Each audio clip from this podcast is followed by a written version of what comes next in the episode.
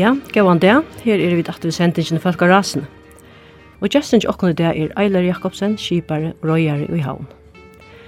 Eiler er født i Søltafyre, men trakka i sina badneskrekvar sur i Skalavik, og 15 år er gammal før han fyrste fyrir skips.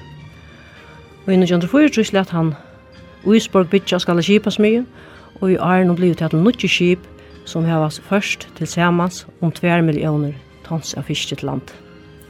Samlega opphattene av tog som skipen til Eiler Vi leip i leipande viri hava givet inntøkket land til er om 4 milliarder kroner. Vi tar områkna til dagsvire er viri 4 milliarder, og det sværer ryselig til ta samleie utflutningsvire tja fyrjon i fjør. Høyre til manningarna i tjøkken Arne har et dagsvire oppa 1,5 milliard. Det blir ikke til å gjøre opp hvordan ekva familier i tjøkken Arne har vunnet til oppsys oppbehalt ombord av kjipen og kjeiler. Og nekver er til lesande som i sommerfrytunni har hutjar seg lesna igjen, vi inntøkken ombord av skipen. Her sett kom allar til avløyde inntøkkenar til servisering av skipen, og et nødja skipasmyen og høylsølen og øren. Nå er Eilers helt så søgnas skip, og tannsølan gav 1,5 millioner i landskassan, som er nøy mykje av gjalda fyrir atla kommunelakna skipan og i år, etla fyrir atlan ta 20 dag penning vi skulle utgjalda i år, etla som setter av og fyrir i år, etla uiløvnar, bæg i fjør og år og komandi i år, til bygging av Edelsheim. Gående Eiler og velkommen. Ja, det men här var en lite feil, det er nöjst jeg sier. Ja, det måste rätta. Ja, 15 år for Eiler og Bandagar i Osland. Du ser da for det chips. Og så nöjs. Ja, alle jag kunde komma vi har seks måneder. Ja, og så gjerne var du 16 år gammal hade först ja. skips. Så nöjs, ja.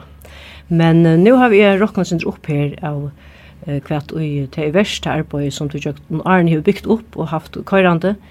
Og så får jeg spørre at en spurning byrja vi. Eiler, helt til at du har omside tannparsen av uh, ågne førja folk som tar var lite opp og henter av folk av hatt? Ja, det er alltid nok så en lusand jo nevnt å svære på. Det er sats bare at du vurdering tar som har kjøpt disse ågnene. Tan prøysene har sett då. Det er alltid sier alt. Så det er jo ikke små penger. Men eller, du er ikke hver som helst, og det er ikke uten grunn av vi da bid kom her i dag. Vi da, det hele tatt vi stått litt av hørst, om tøyt lov holdt fra badni av. Det er det som vi færre under nå bæg. Ja, jeg er som du nevnte fattere i Søltafire. 30 til 20 30.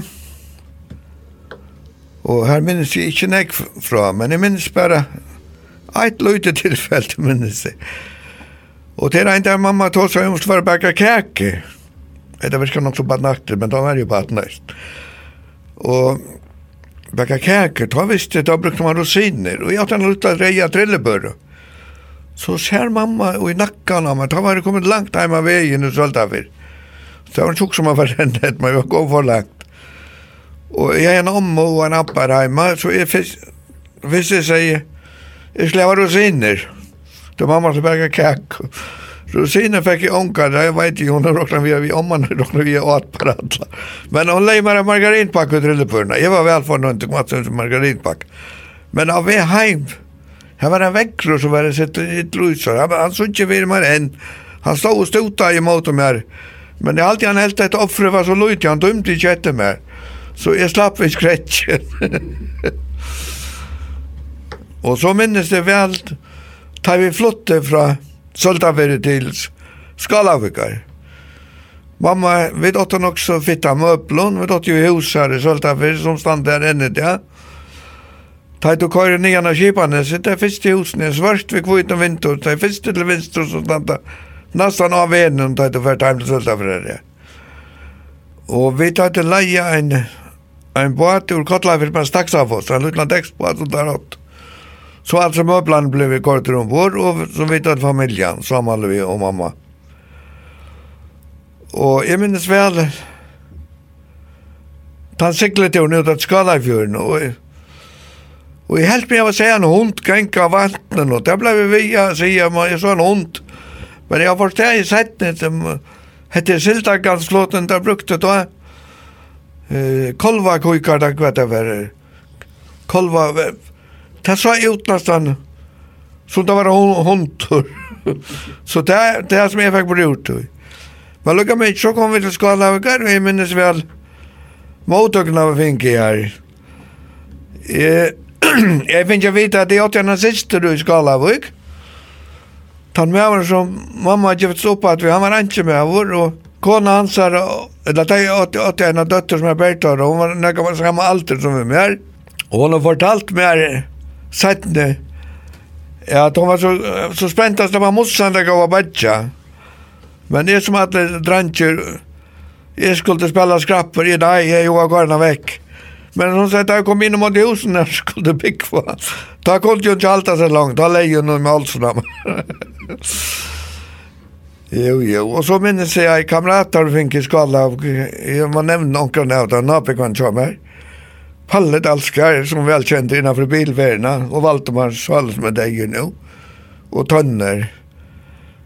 Och Eistein, ikke får glömma, han har, han har vi också som står med och även där omkring kipar i Eisen vi. Vi kipar i Tjåkon. Ja, hur flyttade du till Skalavjukar?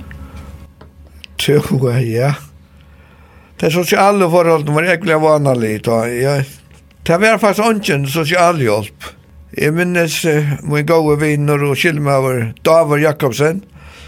Helt anna tal og da jeg minnes verden så alt av lave. involver. Da jeg da vi Davor noen år så nevnte han mitt land det sosiale. Nå miste han eisen og pappa så inn. Davor. Og hvordan det var Takk våre penger våre jeg kattla åndkjer. Men folk vi kommer meira hver nøren ta enn det gjør det, men som han sier, Og han minnes, jeg minnes han sier, nevnte mitt landa en eldre kono, som på lett jeg komme av jonkron under fyrklænen, og gjør mamma tunn i etter, men sier jonkron det. Og så, så ankra det er, så kunne knappt jeg stand der. Fotla på seg med kjolka, fisken og grint, og hverdagen som epler av trappene. Så da visste seg at samfunnet, folk der vi kom for noe mer enn det. Ikke så forstand at man ikke hjelper for noe enn det eisene, men Tog det visste att pengar kom inte från Ukron som så. Det kom för att till skala och banda så är det ni här. Ja. Men gav och vinner Rick och Dalskar som ni vill. Er det gör han åt gärna jakt. Och det var till han säger Jakobs matrönj. Han var omedelig vinsam och tamman. Vi slog alltid ut av rekva av jakten. Och det var det här hade vi virkelig goa det här. Vi betraktade det som åker räkna. Alla allt och bunte vi vi brunda om sommaren här veckor var godt. Och vi stod alltid ut där räcka av igen. Och här fick jag som et fyrst arbeid, som jeg minnes. Jag räckte på Smedre, Smedre silt ju mittel Sorøyden och Anna då. Och det här kom fyrir, han kunde litt upp igen åtta timmar. Han skal ankra jo upp og igjen åtta jakter av förra. Jeg minnes vi som slopp jag lossa vi jaktene. Där finns det lönar fink. Det var fem kronor för det. Visst det var en jakt av förra. Och det var vi spenter på, att det var ikke noen penger ta som så. Så det var ett arbeid. Så blev jag sindre eldre, Så slapp jeg arbeid i vennen. Och da måtte man kjøpe seg en spekka. Man var anbojande vid kjølvor. Og han kostet 8 kronor och da man var 14 år. Inte bara 14 år så fängde en ena kronor tog man. Och då tog man åtta tøymer og strøyas ved en det går å speka, men så åtti det.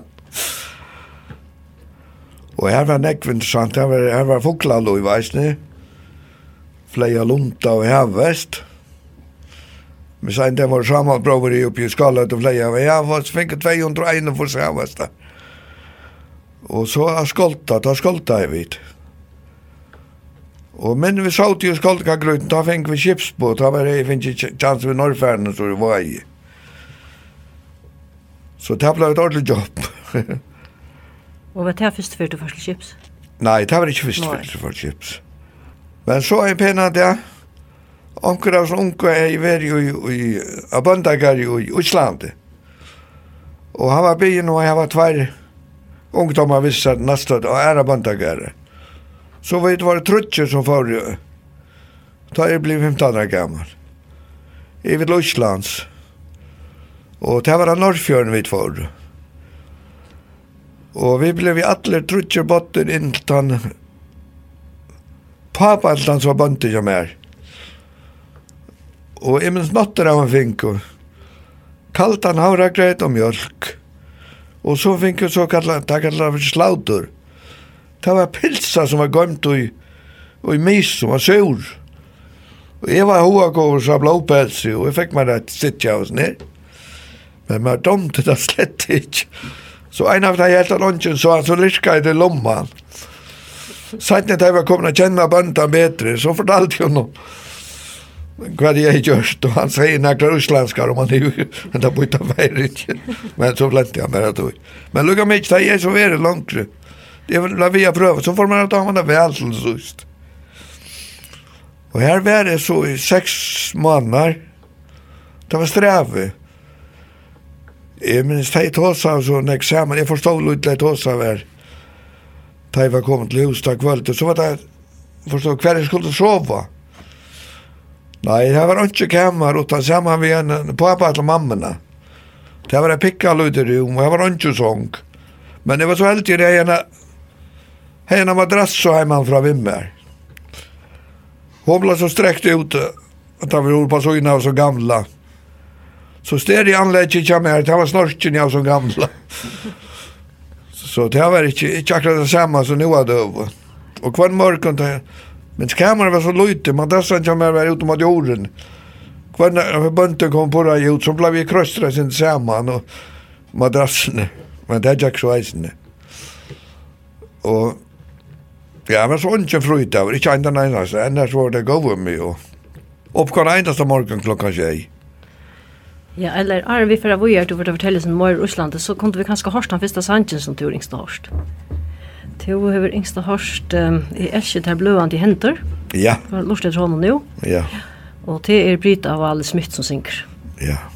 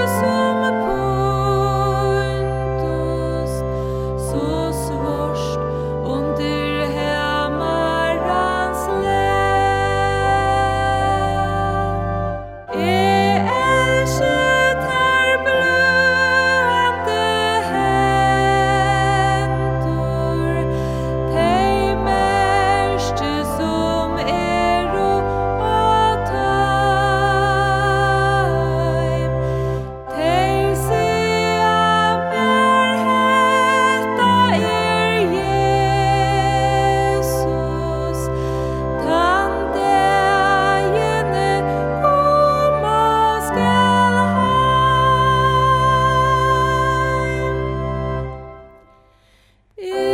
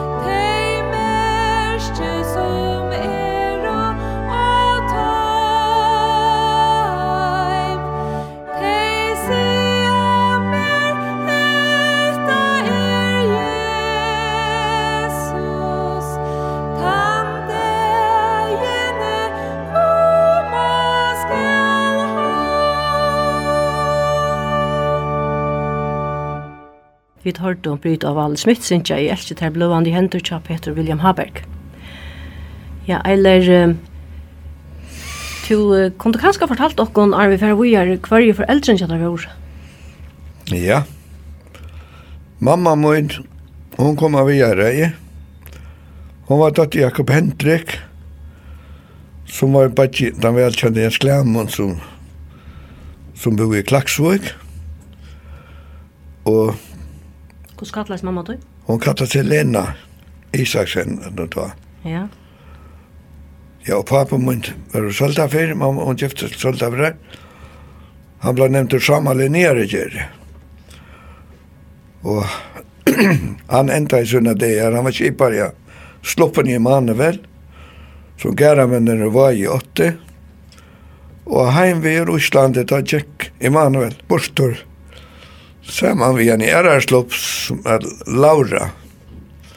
Det var i vi fjörde man som som ginge bort til den natten i ötna väcker i solan. Och ta blev Söltafjörd olja harstrakt. Sölda blev nästan ut, utslagt. Det, allt det var ett och familjer som var raktar ett hus. Det var ikke mer enn 30 hus og det var en forferdelig slä. Man ser Sölda för nästan såna i det då inne. Og mamma du giftes oppa til skala. Mamma giftes oppa til vi, til skala vi. En som ble nevnt Nilsa Hamri, eller Nilsa Melcher. Og han var gifter åren vi einar fra Kalpar som er Hilda. Og det var teipa som måtte gifta døttrene som vi nevnte, og Johanne som er Bertora. Så vi kom han vekse opp i samme huset. Så det ble en sånn blanding, mine bøten, tøyne bøten, åkara bøten. Ja. De fikk uh, trøybøten sammen, sættene. Ja mamma min og sin nutje fosterpapen, Hildegun og Maiken, og Napoleon som tatt åmann skalavik. Unker med avur. Ja. Ja. Men vi var kom til at du varst færen ur til Øsland som 15 år gammal og en bøndakær. Ja. Men jeg halte i årene for å lære til Det var en lytel trøva. Vi skal gå jakten, tja vi, som vi døtt som en kan gå an til. Men så hadde vi en sindra og heldig han til Vi var nokre kamerater som var ferdig rett, ja, men kvett. Det ble snakk om vinter enda det her igjen. Og ta kom panikker og jokken at det var for nekk vi anna bor, så vi rå mest bare rundt ting. En gammel kona som bor i her napen kallas Tomina, og en vår som er glemt å bo. teg. ja, det er se okkon. Og ta kom så gav glemt å bo, og jeg halte pappa Vikko som var eldre da. Kom jeg etter okkon vi bate. Og tar her søtte for det første hvordan vi skulle rekva, ikke rekva. Men det var tvær skilmen vi ein at der er det bare Valdemar, Anna var sånur til omkran i Høyvog, bare vikk og var gift i Høyvog. Og Valdemar sånur Aksel Dalskar. Valdemar han var sin yngre. Og han er jo av fettlet og har grata, at han sa innvalgt sin mamma. Nu var ikke grata, nu var det rekva. Men lukka mig ikke, vi kom og satt landsjøn og gå. Du ja, så skulle vi til Ferdluslands. Ja. ja, og så gav jeg bandagjerne. Jeg tog det vel å slå at hva. Bøndag sier jeg var en ordentlig slått i hundur. Så. Og så det ene dagen vi til ut, han er i Høsnafarm. Han åtte hønner sammen med en bækar ute i byen. Så en av fra vikene og gått til, så kom en fotlebil vi vinnabreien og ötna gåon inna djövun. Og så er det en ordnar han, jeg skal takka lutsjan som er ur orven og binda en båt som eldte navn. Så jeg aner ikke hva det gonger ut på. Og ta vi det lattare på foten det, ja, så ble vi senteren i Østnar som fengt en, en anunka. Jeg var nokka tak, ja, så det var kjøtt i en anunka. Og så skal jeg halte i anunka, men jeg har stadig ikke funnet det hva det dreier seg om. Så nu tenker han lutsjan skal skjere høtt, ja, han er mitt, sier jeg. Og han bare fikk bløkka huvudna av. Og blåsbrännare, henne vi råd på skrutchen med la lønner attor. og han bant den och jöjn. Och han där butta fejringen. Men lukka mig Han är blöttet som jeg sa, jeg fann han attor. Mitt alla. Innan det annan. Så ta jeg så forstod hva han at han gjør han drepa han. Jeg var ved andre kjippa vogtet så. Så kjippte han og blæka i hans brellet og han lutt. Og så skulle jeg ta han og trutja til Og da ble lutsjen ikke brukt til meg. Han ble sett ro i at rørve, så han løst rånka til jorda. Kjølt når vi døde i høsten av fest, flere frattene til. Da ble vi ordentlig et ankarsmann. Det var fantastisk, å kunne kippa igjen og så sånn. Det var det slett ikke venner vi er. Vi var gjerne treffet i utrekven eisen. Siltafisken kom helt inn for santen her i Norskjøren, så vi tar han landet gjerne i oljongstand. Så vi fikk en masse av stålen torsk. Han var så rask med sanskar tjolkar og alt. Da vi får i Lusland, så var han ikke stått litt. Jeg var alltid forsøkt å sjåve, ikke? Så, så jeg forstod han kan det at jeg kunne bli sjåve med over. For det første får ut ur, Ja, aksat alskar, pappa Valdemar, vi sier, som nevnte jo Palla. Han er en arva en bil fra, fra Ansmåna, en militærbil, som er i trekka utlom fyra hjul. Det var sånn en kave. Så vi ötlar kavaröjtjen och får vi till skåpenar och vi där leia doktorabaten till havnar vi Jakon. Och så får vi då gärna skånnar som hade vonna. vanna så till voxlator i min chatter. Och bo i en hotelljärna trodde jag det är. Här kom en Islandsbåt med Magnus skulle komma av vännen till Island och helt någon. Jeg minns jeg fikk sjåvar beina ved inne kom. Jeg latte ikke høtte før vi kom i ur mot i Hotnafjøren natt. Og han får inn, inn av Hotnafjøren a kjøpa fisk. Her var vi til trutja det her. Og da fikk vi et arbeid ombord av usa fisk. Kjente henne hundar ikke, jeg sa trutja det her når var jeg. Og da kom jeg a byggva tja. Da var bata fra, fra Norrføren og var jeg rå ut. Og verftun at hun kallar hun var. Og jeg kom a byggva tja henne, så grula vittar gående. Hun var rauskona kallet, arbeidskona tja. Mannskapna baten tja som henne, han er mars. Så da jeg var så pekka løytel da, så vi er ikke med noen til fyra punkt. Da jeg kom atter av arbeid om kvaldan, han vaska jeg meg om ansikt akkurat som en nyføying og batla jeg meg. så han var veldig god med meg. Og så tar vi det veldig trutja det, og så får vi det gjerne båtet til Norsfjøy. Og ja, en dag jeg var og leita etter rotsunar i Sveiten i Íslandi. Ta traff jeg hesa gau kone atter inn i sveitinni. Hon ba meg sventlig å komme vitja seg. Sier hver hun boi og alt. Og hvis man mangla i okkur hos sunda kvelda skulle men man mangla det bedre, og ikke så. Men jeg miste så samband vi henne. Og hei fratt at hun var flott til rettjavukar til herrum. Så sette jeg meg samband vi eimkjip, ja. Og han sier, det skulle han kjøtt finne ut av. Det var ikke man en vika, så hei han. Bare telefonnummer og adresse, så da var det flott. Tatt vi rett ut, da kan det Gardabai. Og jeg ringte så til henne, og hun var bare i blod og tog.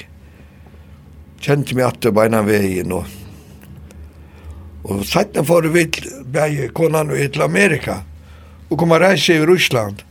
Og så vi måtte endelig komme inn og vidtja, så vi fikk noen tøymer. Så vi tog seg en taxa og kom inn her tidligere som vi bor for. Og det var ikke å si, hun var bare i blod og tog.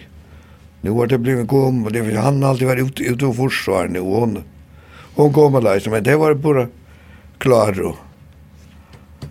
Så det var nok stuttligt. Ja. Da jeg så, uh, bønda tog meg ligge, og ta alltid for heim vi, Mjåan sier vi, ja, som just det tonen var vi, Andreas Tone i Aljotten, just var Silda Batse vi, för vi fiskar silt om sommar. Vi slopp så hemma att vi som om Johannes. Da var sånn att komma hemma. Men överrockningen var ikke stor. Kvart så var det fikk jeg. Jeg hadde jeg 1100 for, 1100 förska kroner, 1600 Islands kroner. Fyrir et halvt år. Og så när jag satt ner, då var det blivit kipare av Boanes. Og i tvitskav silt så var det inne i Norrfjörden och bönderna så flatt om att, At det gav sig ejlar var och i beinen. og han kom så vid bil jo dette med her.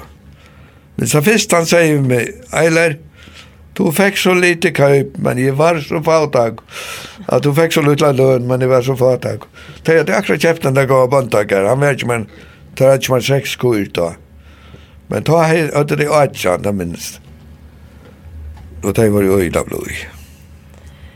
Ja, nu har du tog til en hankat Ja. Ja. Og til vår yngste hørst en som øyder etla, til er, han kjente meg, og til er Oddbjørg Poulsen som synker, og til er fløvene som øyder, og til Jesus.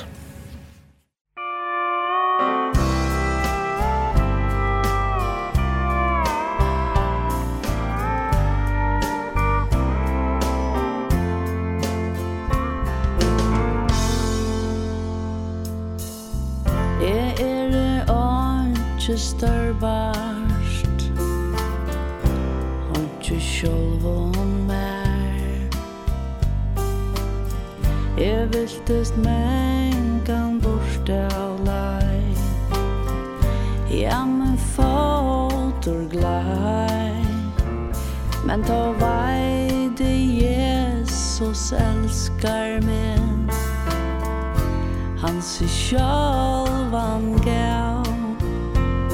Og ta han a kropp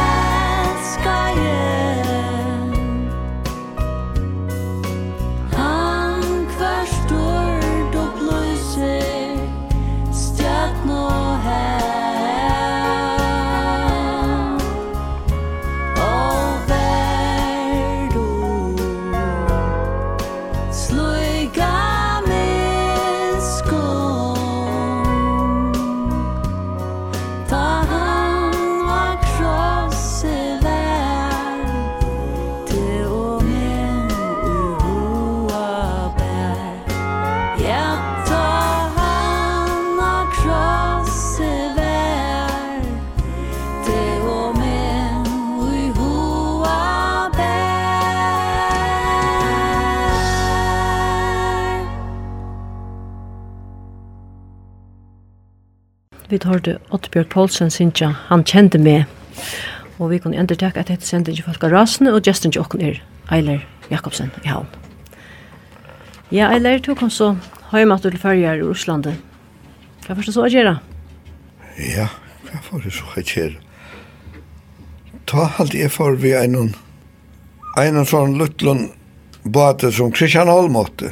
Ta den første tur til Kips? Ja, han er åttnadnes. Det var en så kallad trusståndsare alltid. Det var 16 år. Det var 16 år. Han var ombyggd som trådlare, men det. Vi tar så vi låg innan vi en Låslands. Och till saltfisk. Det var öre ofus som var där, ringt vävor och bara det var så tungt med den där salt inne. Så det var en förfärliga ofus som var, vill jag säga. Och det är så, var det var livet, då får vi ner norska kunna fiska silt. Christian Holm som 80 gå åt han han är 80 är den silda i Kollafjärde. Som tog emot silt til, til Brejingar. Och så fyllde til tävla til Brejingar. Primitiva landika greier, men får inte nog snägga vi får ikke boja noen grann tur. Så jag landa vid tunnån og lempa upp vid kvistuboj. Forfärligt omåstligt, jag minns det. Stämmer för nu er en slanka nere pumpa og så var det. Så det står en brøyding vi. Det her var vi så til en sommar. Ja, og så tar jeg sommar vel i ut. Da fink vi lova vi som tumt jeg ble vera en vijotnanes. Så Nølsjabot var ikke kommet da. Nølsjabot og Jons Pettersson. Nølsjabot han åtte Kristian Holm. Han åtte en annan ombygdan. Som sætne nevnte Hølmor. Hva sier han da? Selberen akkurat. Da var han trådlar. Ja Så en pena der som får inn og presenterer jeg meg for Kristian Holm. Men jeg slapp så vi silberannen. Men jeg var bara släppa av en trådlare, och det var det var allmänt ju värst. Så vi gör två uisenska turer upp norr-norra. Och så i England. Så da vi kom hem att den sättna turen. da kom fast på min och bor där vi kom in i havnene, Og han skulle til en slupps med Soragen, som uh, torfella i avnåtte. Og en som er Nils Juli i heien, hun var kipar jo. Og der mangla var mann. Og han var så spent å få med vi i eisen. Jo, jo, det er jo ikke gjerne skala av, så. Jeg hoppa i bare ombord, for han kan sove. Direkt ombord i Sorøyden, så til kips. Og av vet løsland har brot vi motorene, gire, brottna i. Her låg vi som klonar og råko. Men her var en annan... En annar stoppar vid ett Lusland. Jag hade ju varit vid som er rittaren. Jeg hade han i eisen märksen nok, samme sted mot år som vi. Han släpp öken inn i Västmanöjtan. her låg vi så trutja vi ikke. Her fink vi ett arpa omkring att lossa kål og så. Rävliga strev var det. Lønnar i Osland var jo jo huvart va. Men mittel anna köpte vi mig den lanka gommisella ved reion skaft. Så det var en kopp, så lær jeg. Og, men det er alltid, tjekk nok landet, jeg tror ikke jeg viker lov ut maskinske her. Så får det ut at jeg fiska, og ta var solan så innan sann ligger, men vi finner sånne jeg fisk. Kom så heimat. og ta hei papi akkurat, Det var Sjuraberg kommet, da finnes det Sjuraber som kjøttbrott og kaj førte. Da jeg finnes ikke chans vi her. Men vi tar til neid flere kura, drutjar og rossaisne. Så du måtte jeg bønte få hast. Og det ble vi så sette til bønta bøntaruvi her. Så det var så jeg står fortjenast av vi. Jeg halte han kjørte trutjatur, fikk trutjatur av vi, Sjuraberg da. Jeg hadde tvær utskatturer og en, en lutlands alfiskattur. Hver han kjente en etro duse. Men jeg banta i sær skala av. Ja.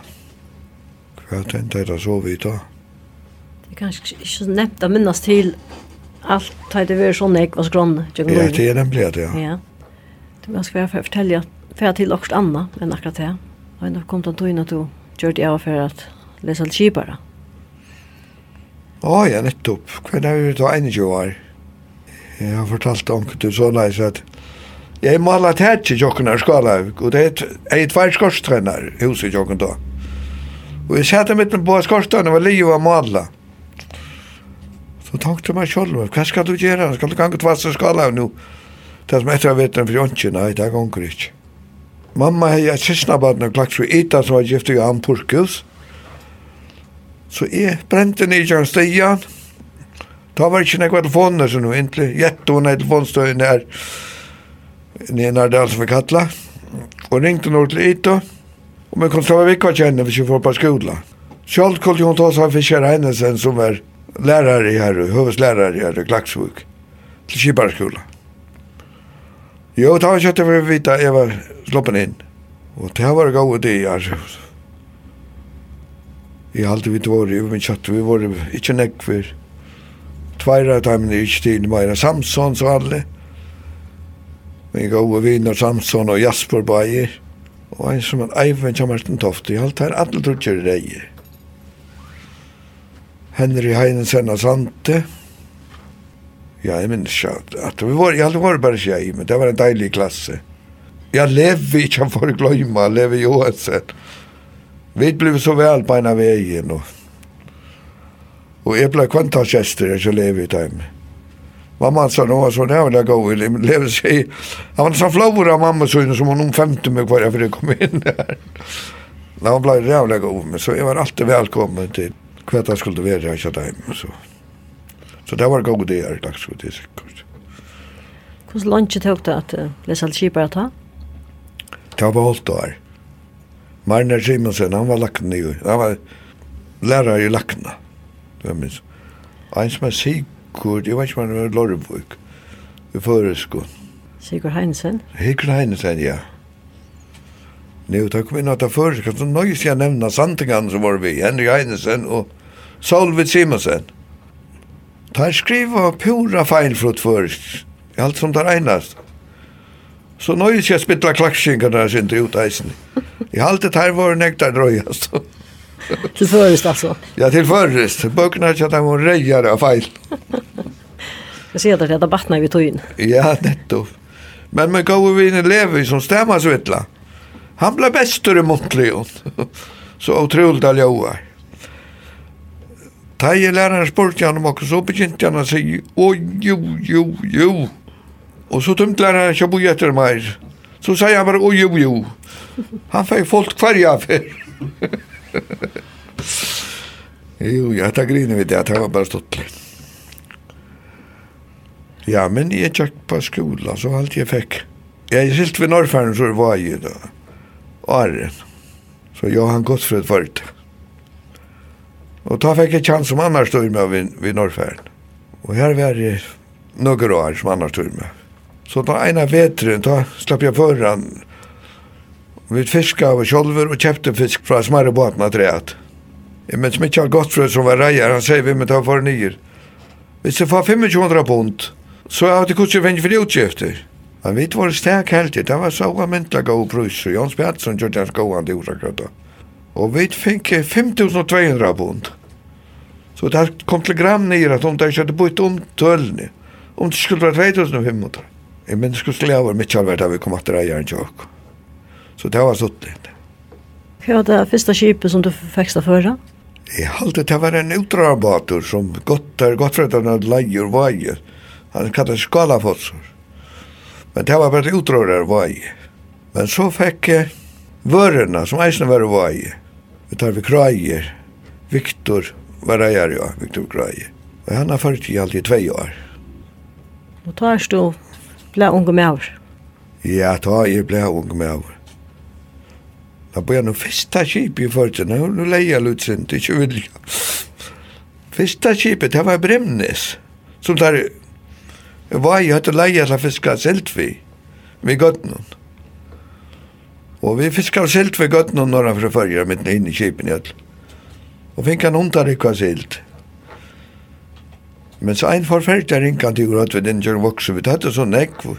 Vi kunne med oss færre at våre i landa. Men jeg hadde ikke vevet hva kommet til en var ut våre da. Så nu er jeg vaksen upp i Brimklås. Jeg hadde vi skal gå i jakten jag fick. Så jeg er nok, nok kjennskap til Brim. Og vi kom in mot förlänningen i Vaje. Men hver noen bryter alt sammen. Så lägger vi stilt og bakka, Så nu er löjer attor. Nu skulle vi cykla. Men hver är nu bara bakkara. Men tog be till sin samme feilen var endur tråk fyrr. Det stod en splittan i jögnon. Ståndjena som stend nir i omstundsläge. Hon var loppen i ur. Så det er bara mål nir och jeg er ikke sampa. Man kommer över en Jan Petra. Tvärr, han var glöggur. Han fekk svetta rikka kjøtt attor. Så nu er løyer löjer så kort vi fullspennig, Men skrua var nega tung, men vi fick ikke tog jeg justera nega. Vi fink et lite brot, och inte vi var ju nog, men det skjedde jo ikke, Så vi kom inn i ett gau. gå. Min goa vänner Sofus Thomsen som som var stjord i Skadland tatt innan att vi byggt i Uisborg. Han var ute i, i, i Portjusnäs och kjell han der. Han sier, det så ekvis litt ut. Så det var så stor, stora avløyer at vi blev borster i middelen. Det var flere for dette var varne. Men det så trappet etter det kom mot annet går jeg for. Så vi kom inn i Øtland Gåga. Så han sier, hvordan er det til det så ut? Ja, her var det så til sommar. Ja, eller nu har jeg tog ut til at høyre en sangatrett. Og det er yngste høyre en som heter Tomhentor, og det er Peter Haberg Jakobsen som synker, og det er Øysen i tja. hverferdøynen, Peter William Haberg.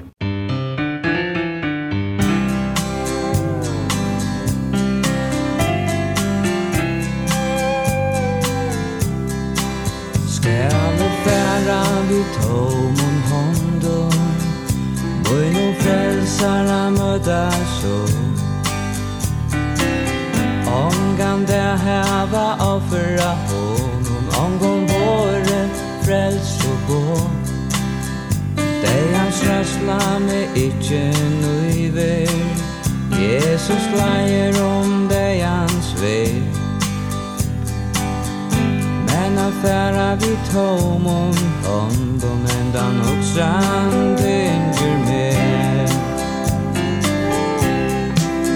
Skall færa vi tomon Håndom Skall ett tåmet och standa her Om det sal hava vunne honom Om det stjøtno vunne mer Skall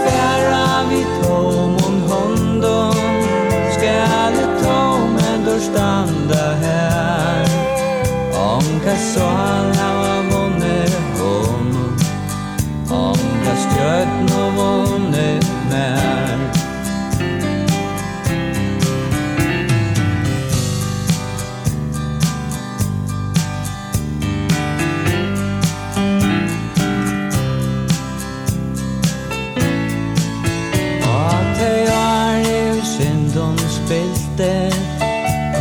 aldrig aftur ett liva teg. Ete skulde til Jesus Give honom tan Og i lest opp meg Og til frelste til tujen rennor Hver skal nu mejan dævor er Dei han snart kan koma Bjarga salen der vår väg Skalle färra vid tomon hondon Skalle tomen dör standa her Onga sol hava vunne honom. Onga stjötn och vunne mär Skalle färra vid tomon hondon Skalle tomen dör standa så her hava måned våno Onga stjøtno måned vær Skal det færa vi tomon håndon Skal det tomen tor standa her Onga så her var måned våno Onga stjøtno måned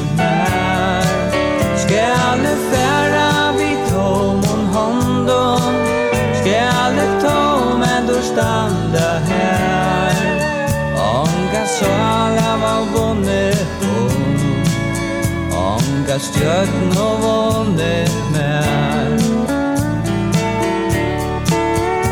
Onga sal var vunne hon. Onga stjøtten og vunne mer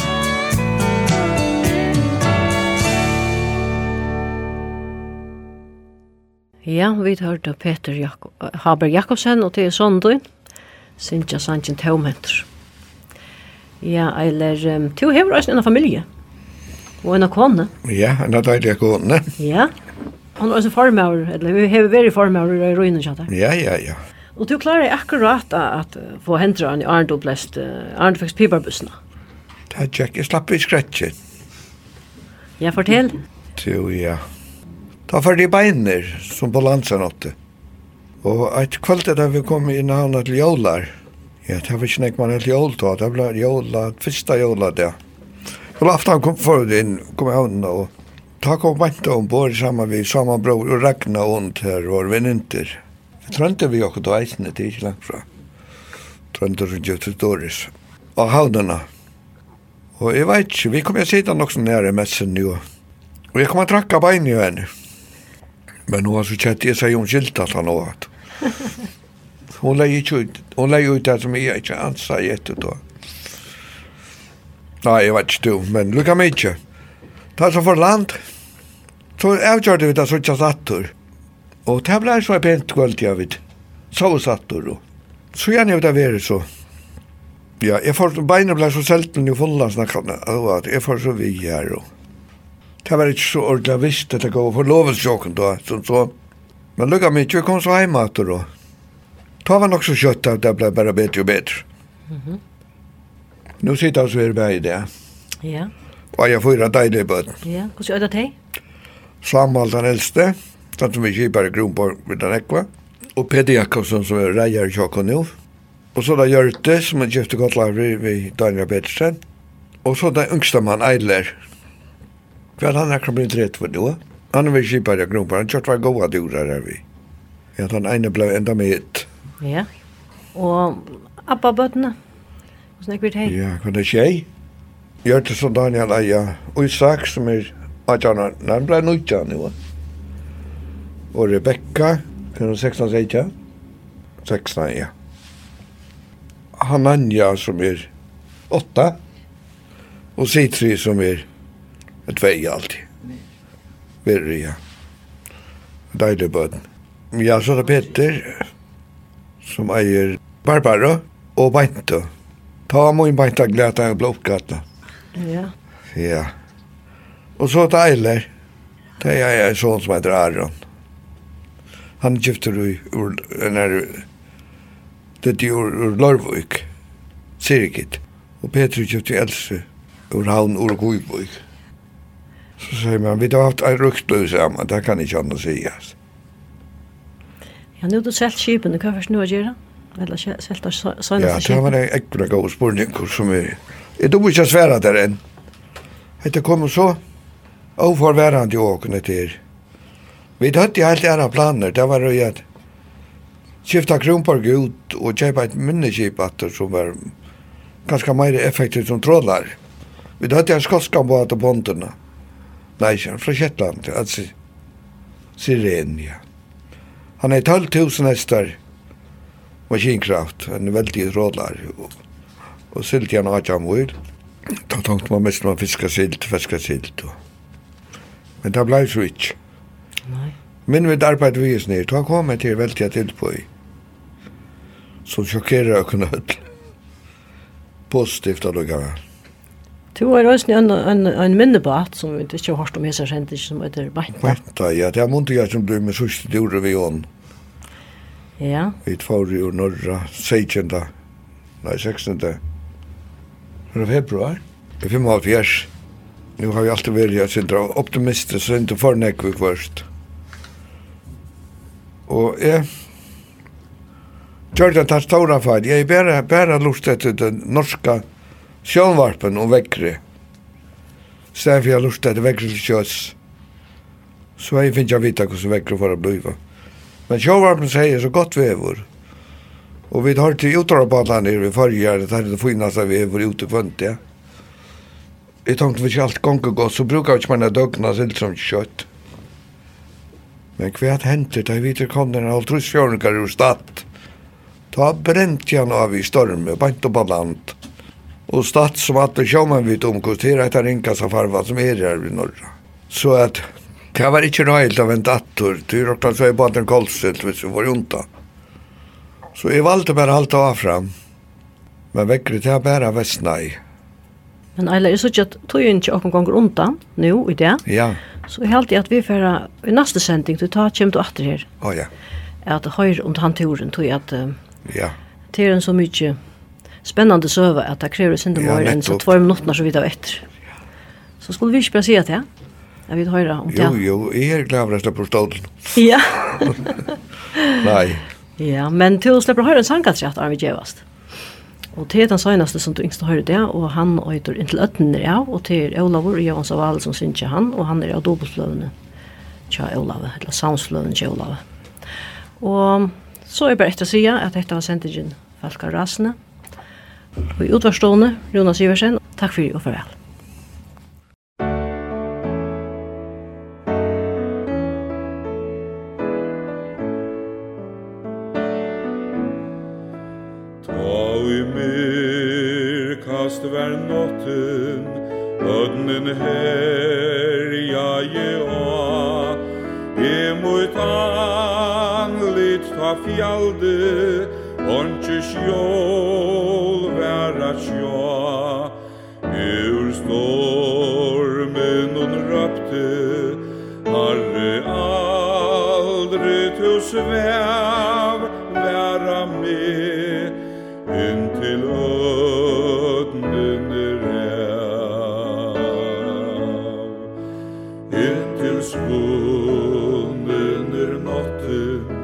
Inntil ånden horven er Lika lov.